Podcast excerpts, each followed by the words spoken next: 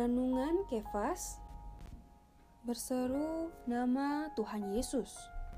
Ayat Alkitab Ratapan 3 ayat 55 sampai 56 mengatakan Ya Tuhan, aku memanggil namamu dari dasar lubang yang dalam.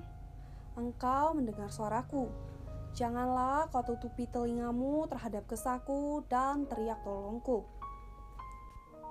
Apabila melihat jalan-jalan di Jakarta yang begitu banyak dan sangat luas, bagaimanakah orang-orang dapat mengenal di sini adalah jalan A dan di sana adalah jalan B? Ternyata adalah pemberian nama. Pemberian nama atau julukan untuk memudahkan seseorang untuk mencari seseorang, benda, rumah, dan masih banyak lagi. Maka, baik orang, hewan, benda harus memiliki nama atau julukan.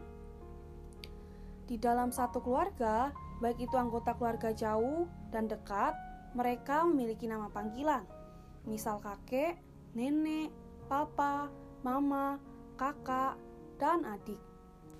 Memiliki nama panggilan adalah memudahkan kita untuk berkomunikasi dengan orang tersebut. Apakah kamu tahu kebiasaan orang Kristen di dalam Perjanjian Lama dan Perjanjian Baru? Mereka memiliki kebiasaan menyeru nama Tuhan. Di dalam Perjanjian Lama, ada seorang yang bernama Enos. Dia adalah orang yang pertama kali berseru kepada nama Tuhan. Dan di dalam Perjanjian Baru, orang-orang yang percaya Tuhan senang berseru nama Tuhan. Karena pada zaman dahulu, belum ada kartu tanda penduduk yang menunjukkan mereka adalah orang yang percaya Tuhan. Jadi, Saulus menangkap orang-orang yang percaya Tuhan adalah ketika melihat mereka berseru kepada nama Tuhan. Di dalam bahasa Yunaninya, berseru adalah memohon kepada orang, memanggil nama orang, yaitu dengan suara yang terdengar oleh orang lain, memanggil nama seseorang. Orang Kristen bukan hanya perlu memiliki pengenalan terhadap Allah, juga perlu dalam penghidupan sehari-hari dengan riil menikmati Allah yang kita kenal. Ada satu jalan yang paling sederhana dan paling singkat untuk menikmati Tuhan, yaitu melalui menyeru nama Tuhan. Mari kita berdoa.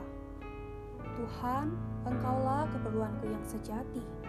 Ketika aku dalam kesesakan, biarlah namamu kesebut ribuan kali, agar aku mendapatkan kelegaan, kekirangan, damai sejahtera, dan pertolongan dari namamu.